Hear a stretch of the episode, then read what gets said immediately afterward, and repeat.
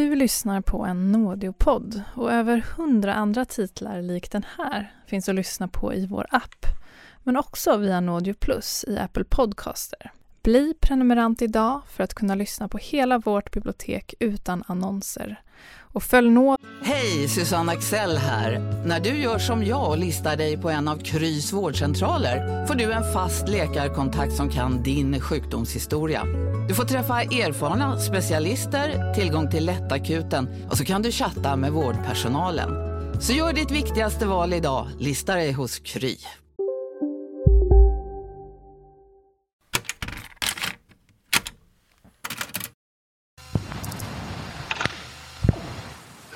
Det finns en i livet som vet allt om hur det gick till när Gotlandsbolaget larmade marindistriktet att Hansa saknades. Och det är jag.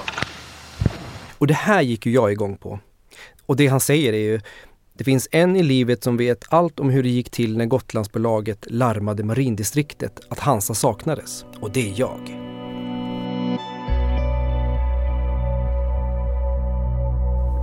Ja, den kom, var, den kom på posten. Va? Det var ju ingen person jag kände. 66 år efter Hansa-katastrofen hittar Jakob en kassett i sin pappa Görans keramikverkstad. Mitt namn är ganska känt. Så det kom bara en, en kassett. Och, och det har ju kommit flera, både samtal och folk. Ja, under åren som har känt med Jens. Göran Ringbom var bara några månader när han förlorade sin pappa Jens Ringbom i Hansa-katastrofen. Under natten stod Jens i utkiken och dog förmodligen ögonblickligen av den stora explosionen. Men kassetten är inget som Göran verkar ha ägnat särskilt mycket uppmärksamhet åt. Och jag var så här, vad är det här? Och farsan bara, ah, det är någonting jag har fått av någon som har skickat. Uh, och jag var lite så här, okej okay, men ska den verkligen ligga här då? Har du lyssnat på den? Och han sa ju då, ja jag har lyssnat på den någon gång men det är väldigt dåligt ljud och sådär.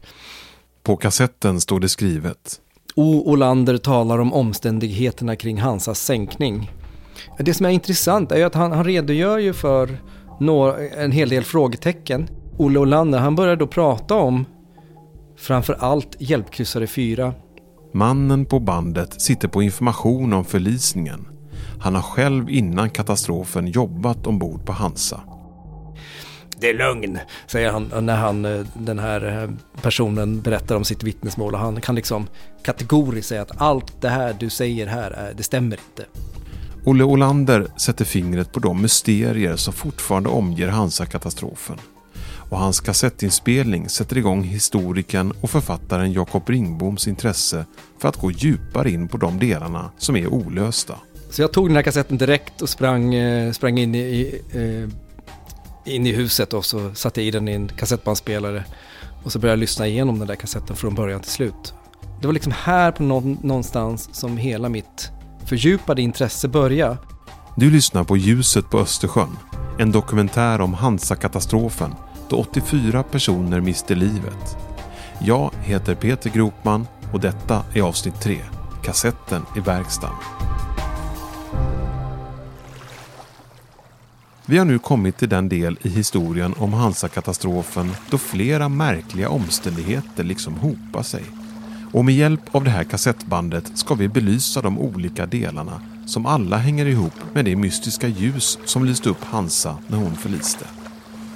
Dagen då Hansa torpederades var jag arbetslös och befann mig i mitt föräldrahem på Klippen varifrån det var fri sjöhorisont och båtarna siktades liksom stod in i hamnen en timme senare. Det här är alltså Olle Olanders kassettinspelning. Bandet spelades in på 90-talet och som ni hör så har ljudkvaliteten på bandet inte åldrats med värdighet. Men inspelningen är unik och har aldrig tidigare publicerats. Den ger ett vittnesmål från hamnen i Visby de första timmarna efter att Hansa förliste. Men först, vem var Olle Olander? Han var styrman och hade jobbat på Hansa tidigare. Eh, han, hade också jobbat, han jobbade senare på Hjälpkryssare 4 så han hade liksom ganska ingående kunskaper om båda fartygen. Eh, och den här eh, Olander fortsatte i eh, sjöman hela livet vad jag förstår. Och sen på sin ålders höst så började han liksom spela in kassetter med sitt sjömansliv som någon sorts liksom resumé av vad han har gjort som han liksom gjorde för sina barn. Men han vänder sig inte bara till sina barn i kassetten om Hansa. Och han gjorde liksom nästan ett eget litet forskningsprojekt som han sen spelade in på en kassett. Låt oss återigen gå tillbaka till morgonen den 24 november 1944 och tiden innan då minsveparna och flygplanet Örnen skickas ut för att söka efter Hansa. För i efterhand menar Olle Olander att räddningsinsatsen drog igång alldeles för sent. Och vid kajen i Visby står människor och väntar på Hansa som är försenad. Klockan sju smyger jag mig upp till övre våningen för att spana efter Hansa. Då vaknar min far. Ett stenkast från hamnen i Visby vaknar sjömannen Olle Olander i sitt föräldrahem. Just den här dagen är han arbetslös.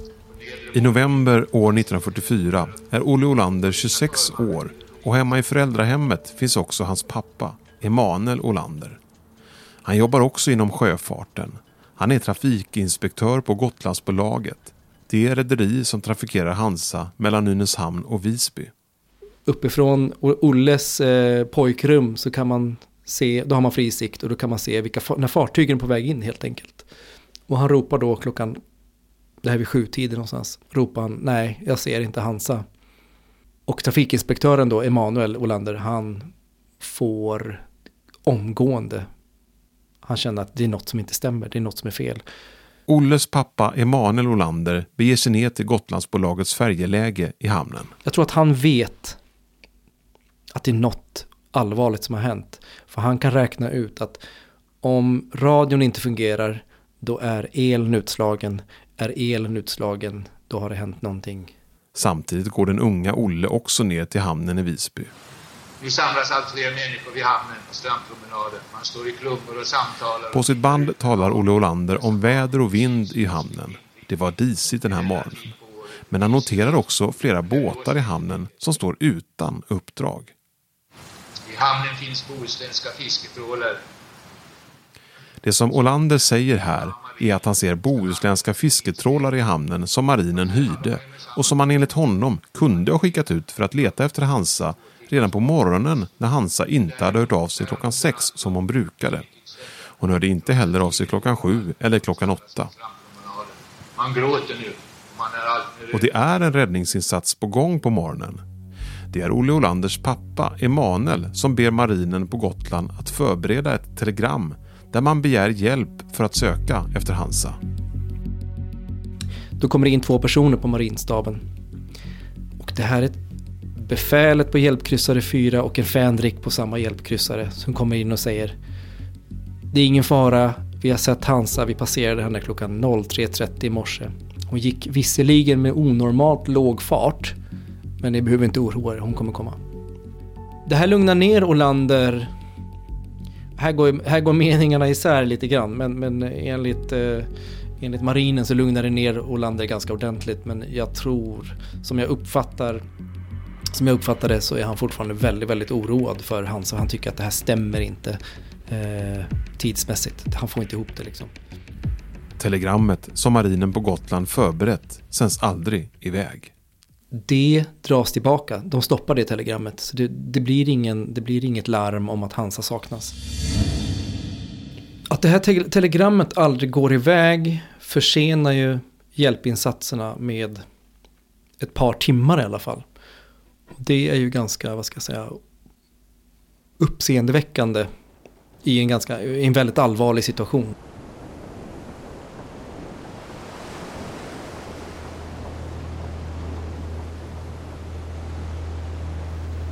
Låt oss nu introducera ett till fartyg i den här historien, Hjälpkryssare 4. Fartyget har en avgörande roll i efterspelet kring Hansas förlisning och den olösta frågan kring vem som lyste på Hansa under den tidiga morgonen på Östersjön. Hjälpkryssare 4 heter egentligen Varia och ägs av rederiet Sveabolaget.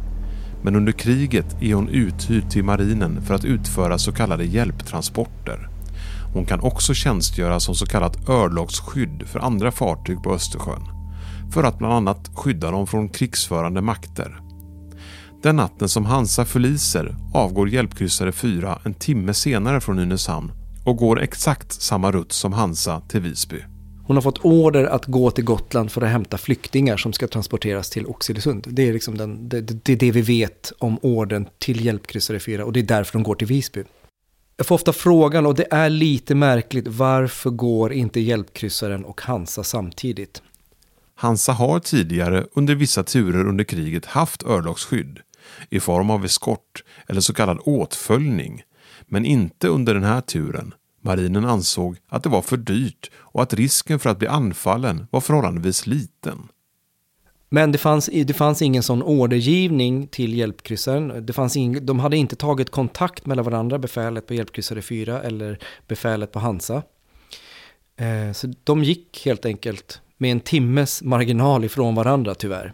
Jag har ju gått igenom Hjälpkryssade 4s loggbok. Den säger egentligen absolut ingenting. Eh, vad som har hänt den här natten. De har inte registrerat några fartyg de har mött, trots att de har mött ett antal fartyg. Jämför man vad ska jag säga, skrivelser, inkomna skrivelser och alla dagböcker som finns eh, på krigsarkivet idag så finns det det är ett ganska magert material. 1943 hade de en fartygschef, Källegård, som var oerhört noggrann och det är ganska mycket, mycket material där. Tittar vi på eh, Beronius, befälhavaren 44, så är ma materialet väldigt magert. Men det finns noteringar från samma år, år 1944, som däremot spär på ryktesspridningen om hjälpkryssaren. Men det man kan läsa mellan raderna, eller det man kan läsa fysiskt också, är ju att de har problem med fylleri i besättningen. Inte alla och inte många, men, men det, det, är liksom, det verkar vara det stående problemet. Eh, kackerlackor är också ett problem eh, ombord. Men annars tror jag att det, det är nog ganska vanliga förhållanden ombord på hjälpkryssade fyra. Jag tror att man ska inte sätta ihop, man ska inte ta fylleriet och sätta in det i kontextet Hansa. Det, dit ska vi inte ta det. Uppgiften som befälhavaren på hjälpkryssaren lämnar till marinen och som stoppar det förberedda telegrammet blir nu den officiella versionen om vad hjälpkryssaren gjorde under natten då Hansa förliser. Och detta nämns också i radions extrasändning. En hjälpkryssare hade klockan 3.30 i natt, enligt vad försvarsstaben meddelar, siktat Hansa 12 distansminuter syd Landsort. Hansa skulle ha kommit in till Visby klockan 7.30. Då dimma rådde till havs och Gotlandsbåtarna vid sådana tillfällen kan bli många timmar försenade ansågs det inte finnas någon anledning till farhågor fastän båten inte kom in i rätt tid. Men denna uppgift är en lögn, säger Olle Olander på kassetten. Här är det hur tydligt som helst att hjälpkryssaren ljuger. Och Jakob Ringbom ger Olle Olander rätt. Tittar man på hjälpkryssarens, eh, vad ska jag säga, hur, hur många knop den kunde göra jämfört med Hansa så ser vi att det är en jätteskillnad. Men 03.30, så snabbt kan de inte ha kört. De kan inte ha hunnit upp Hansa redan vid den tiden. Gotland har sorg. Hårt och skoningslöst bröt den in i många hem. Det oförklarliga och grymt meningslösa i hela den fruktansvärda händelsen har gjort sorgen dubbelt tung att bära. Det sägs att Visby är en spökstad efter Hansa-katastrofen. I SFs journalfilm kan man se hur sörjande går in till domkyrkan för en minnesgudstjänst. I Visby samlas de sörjande i domkyrkan där biskop Isander ska lysa frid över den stormpiskade graven. De flesta tittar ner i marken. Någon tittar upp mot kameran. Blicken är tom.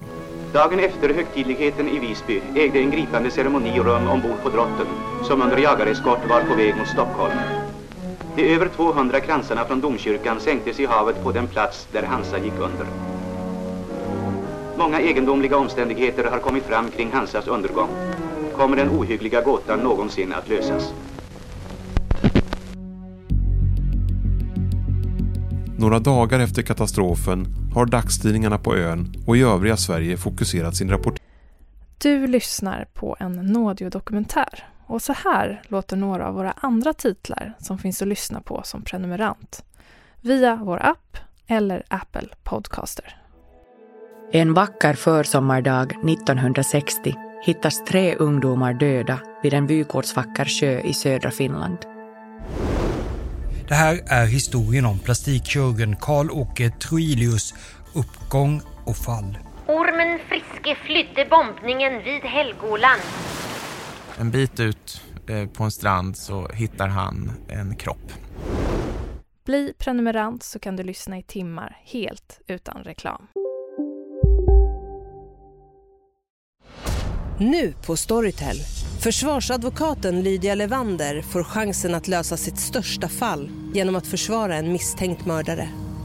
Hur långt är hon och kollegorna på advokatbyrån Pegasus beredda att gå? Fallet Mikaela. En ny deckare från succéförfattaren Anna Bågstam. Lyssna nu på Storytel. Njut av Max Selection El Maco med Premium Beef. Vår saftiga och lyxiga burgare av 100% svenskt nötkött och 100% fantastisk smak. För ett ännu godare McDonalds. på vad det var som har träffat Hansa. Spekulationerna rör sig kring att det var en torped som orsakat den kraftiga explosionen på Östersjön. Och som ett brev på posten dyker en annan omständighet upp som får journalisterna på ön att gå i spinn. Omständigheterna kan ha förvärrat den stora smällen. Något som Olle Olander också nämner i sin resumé på kassettbandet. Nu ska jag här nämna lite om de militära ammunitionstransporterna. Olander säger att det lastades ammunition, sprängmedel på Hansa den natten som hon går under. Och vid den här tiden är det tillåtet att frakta max 500 kilo sprängmedel per resa på Hansa. Det var inget konstigt, eh, utan det var det, var, det, var, det, det, var det regelverket som fanns då. Men nu hade man ju stoppat i lite för mycket eh, i det här fartyget. Alldeles för mycket, nämligen 2500 kilo sprängämnen. Kan detta ha en påverkan på den torped som man tror har träffat Hansa? Frågorna på Gotland om Hansa är nu många. Svaren är få. Några dagar efter olyckan är det ju ganska tydligt att det är väldigt många tr trådar som hänger löst. Det blir hög tid för staten att rycka in. Man tillsätter den så kallade Hansa-kommissionen, en slags haverikommission den här magnituden av den här katastrofen, den har liksom spridits över hela Sverige så att de förstår ganska snabbt att vi måste göra en civil utredning ganska omgående av vad som har hänt eftersom det just är en passagerarfärja. Och Hansa-kommissionen får i uppdrag att på alla sätt och vis försöka reda ut vad som har hänt, varför, när och hur. Ett rigoröst arbete sätter nu igång. Totalt förhör Hansa-kommissionen nära 150 personer förutom de två överlevande så är det framförallt fokus på stuveriet, de som har lastat Hansa med spräng, eh, sprängämnena, vill veta exakt vad som har hänt där. De förhör alla, fart, alla befäl på fartyg eller besättningar på fartyg som har varit i Hansas område under natten. Man förhör eh, marinen på Gotland, eh, all personal där. Katastrofen börjar nu synas i samhällen runt Östersjön, bokstavligt talat. På flera håll dyker vrakdelar från Hansa upp vid strandkanten. Man går från kobbe till kobbe och plockar upp vrakdelar. Till slut kan man också fiska upp eh, radiouret, alltså klockan som sitter i, i radiohytten där Turesson sov. Och den klockan har stannat på 05.57.58, alltså två minuter i sex har den här katastrofen inträffat. Så då får man reda på tiden. Trots att ingen tagit på sig dådet försöker man få klarhet i hur attacken har gått till. I ett bergrum under Engelbrektskyrkan i Stockholm lägger man ett stort vrakpussel med de delar man hittills har hittat från Hansa och med hjälp av dem rekonstruerar man exakt vad torpeden har träffat. Man gör faktiskt en väldigt tidigt en sån här rekonstruktion av Hansas förskepp med de delar som finns kvar. Sätter in dem i inbördes placeringar så gott det går. Sen pillar de ut de här små eh, torpedsplittrarna. Drar liner till varje eh, inslagshål och sen får de en inslagspunkt som visar sig vara mycket riktigt i lastrummet. Eh, två, eh, två meter ungefär under, under vattenlinjen har torpeden slagit in. Så man får en ganska exakt punkt på inslaget, exakt var den har träffat och hur den här torpeden har briserat. De två överlevarna, Arne Molin och Arne Turesson, är högintressanta för Hansa-kommissionen. Man frågar mycket om det ljus de sett och man genomför ett belysningsprov man, man sätter upp en strålkastare på olika fartyg, på olika höjd, på olika avstånd ifrån eh, både Turesson och Molin. Så får de helt enkelt avgöra om liknare, liknare inte, kan det ha sett ut så här, kan det ha sett ut så här. Det där faller ganska dåligt ut. Det, det, finns, det blir ingen jättetydlig bild av det här belysningsprovet. Kommissionen tar även upp tidsangivelsen från hjälpkryssare 4, att de skulle passerat Hansa halv 4 och som Olle Olander på kassetten säger inte stämmer. De vet inte vad som stämmer, men de vet att det stämmer i alla fall inte. De förhör tio personer ifrån hjälpkryssare 4. De vill förhöra ännu fler, men här har det hänt någonting som har gjort att de förhören ställs in. Så det blir inga fler förhör. Och jag tror att man, de tycker nog kanske att de har kommit till vägs ände med hjälpkryssaren. Och de som jobbade på hjälpkryssaren den här natten som kom till förhören som kommissionen gjorde, vad säger de i förhören? Alla är relativt samstämmiga på hjälpkryssare 4 under förhör. Ingen har sett någonting, ingen har hört någonting, ingen vet någonting om att en strålkastare skulle ha använts under natten.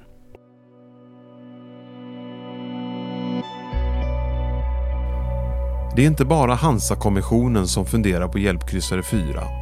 Överlevaren Arne Turesson förhörs av kommissionen och i slutet av förhöret frågar de Är det något du vill tillägga? Och han säger på den raka frågan säger han Ja, jag vill veta var hjälpkryssare 4 uppehöll sig. Han tycker det är så märkligt att de inte har sett eller hört någonting den här natten. Han tycker det är oerhört märkligt. Och han omvittnar också vid ett tillfälle att det är någon i Visby som har berättat för honom att hjälpkryssare 4 har befunnit sig väldigt nära Hansa när hon sjönk.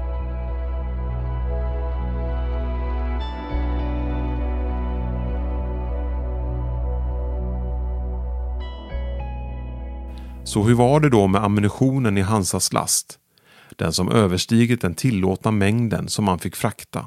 Sprängmedlet påverkade inte explosionen, säger Hansa-kommissionen. Samtidigt så framgick det ganska snabbt, hela partiet med sprängämnen hade lastats i det aktra lastrummet och bevisligen hade ju Hansa sprängts eh, i den förliga delen. Där fanns det inga sprängämnen. Men övervikten av sprängmedel får ändå konsekvenser. Och det, tas, det, det beslutas ju ganska omgående att det förbjuds från den 6 december tror jag, 1944. Ja, men det här kan vi inte hålla på med. Och sen tror jag man senare reglerar det att möjligtvis kan man transportera explosiva varor men inte i den omfattningen. Och om det ska ske så måste det vara tydligt vem som har tagit det här beslutet. För att det vet man ju fortfarande inte än idag, vem som faktiskt skrev under lastmanifestet att ja men det här kan vi ta ombord. Hansa-kommissionen hittar inga bevis på vem som attackerat Hansa. Men misstankarna pekar åt Sovjetunionen. Men vid den här tiden var relationerna mellan länderna spända. Men då har vi ett politiskt klimat i Norden vid det här tillfället. Det är ganska vad ska jag säga, kalla relationer mellan Sovjet och Sverige. Så det var inte läge att börja uppvakta Moskva med de här frågorna. Utan eh, jag tror att man körde ganska internt. Man ville först ta reda på, man ville ha, man ville ha bevis på att det var en, om det var en sovjetisk torped, då vill man ha det på fötterna innan man började uppvakta dem. Så det uppvaktas ju aldrig i fallet vid den tiden, eftersom man inte har tillräckligt med bevis. Även om sannolikt så finns det en stark misstanke om att det är en sovjetisk ubåt inblandad. Fem dagar efter andra världskrigets slut, den 12 maj 1945, kommer Hansa-kommissionens utredning. För de anhöriga blir kommissionens slutrapport en klen tröst. Ja, de kommer ju fram till uh, var torpeden har träffat, att det är en torped, vilken tidpunkt. Och det är det de kom fram till. De kom inte fram till så mycket mer än så. Uh, I och för sig med, med de medel som fanns då så är det absolut imponerande. Men de lyckas inte få eh, en nationalitet på den här banemannen helt enkelt. När det handlar om varför Hansa har blivit attackerad så kan kommissionen bara spekulera. Och de tror att det här hänger samman med ett misstag eftersom det pågår en förflyttning av tysk trupp och materiel ifrån Svorbe och Baltikum så finns det en misstanke om att något av de här tyska flyktingfartygen har gått väster om Gotland Svorbe är en halvö som ligger i de västra delarna av Estland. Ett område som tyskarna utrymmer i andra världskrigets slutskede då tyskarna pressas tillbaka av Sovjet. Och de tror att det kan vara ett misstag att Hansa har råkat ut för ett, en ubåt som tror att det här är ett tyskt fartyg helt enkelt. Och jag tror att den var väl till stor del besvikelse för många. Även om man i alla fall fick reda på att det var en torped. Och, och de där sakerna, men man fick ju aldrig veta exakt. Vilket innebar att det kunde, man kunde inte ställa något skadeståndskrav från åt något håll. Och eh, så har det ju varit än till idag. Det finns ju ingen som har gjort det. Men det finns vissa delar i Hansa-kommissionen som inte kommer till allmänhetens kännedom där i maj 1945. Delar av kommissionen hemligstämplas. Man tänker att en hemligstämpel har, har någonting med själva, vad ska jag säga, fartyget och själva sänkningen att göra. Men i det här fallet är det ju egentligen bara en fråga om rikets säkerhet.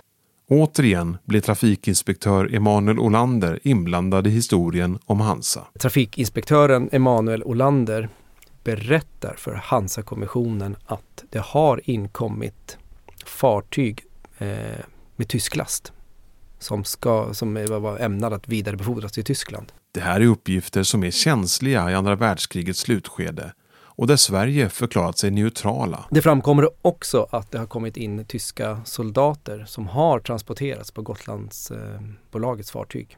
Inte i någon större utsträckning, absolut, men, men det har funnits. Och de har transporterats tillbaka till fastlandet och sen eh, vidarebefordrats tillbaka till Tyskland via Danmark. Det ska dröja in på 80-talet innan hemligstämpeln tas bort. Så vad betyder det då för efterspelet av Hansa att hela utredningen inte blev offentlig direkt? Jag tror att det, tyvärr har nog det lett till att det har blivit väldigt mycket konspirationsteorier. Eh, och jag vet att många gick och väntade på att hemligstämpeln skulle lyftas och liksom gick och väntade på de här godbitarna. Och så framkommer det absolut, det är klart att det är intressant eh, hur, hur det gick till med de här tyska transporterna och tyska soldaterna och det där. Men det framkommer ju ingenting som har egentligen med sänkningen att göra.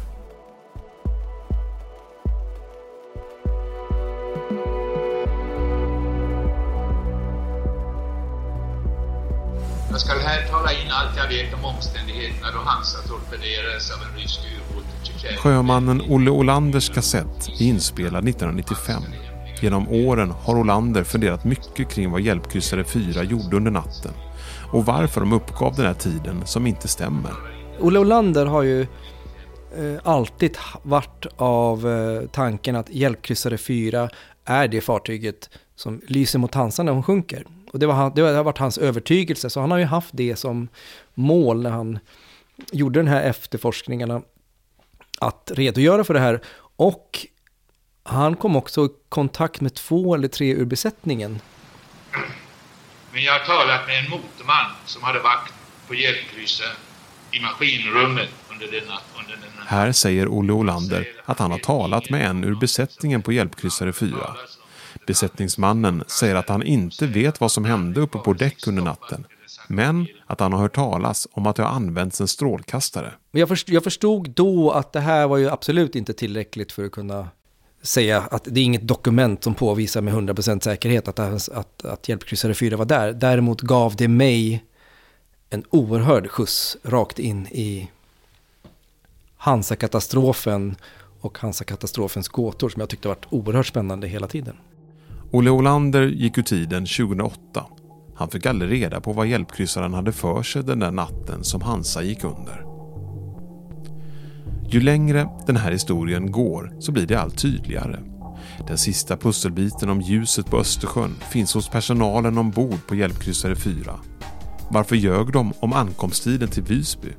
Var det de som lyste på Hansa? Och varför stannade de inte? Men låt oss inte gå för fort fram i historien. Och så inträffade det fullständigt sensationella och oväntade i nästa avsnitt av Ljuset på Östersjön. Som i eh, agentromanerna ungefär. Vi fick tillbaka någonting ovärderligt för bevisföringen. Ja. De vill ju göra upp med sitt förflutna, öppnar upp arkiven och vill liksom avsluta det Sovjet har gjort fel, tycker, tycker då Ryssland. Ja, men nu måste vi reda ut det här.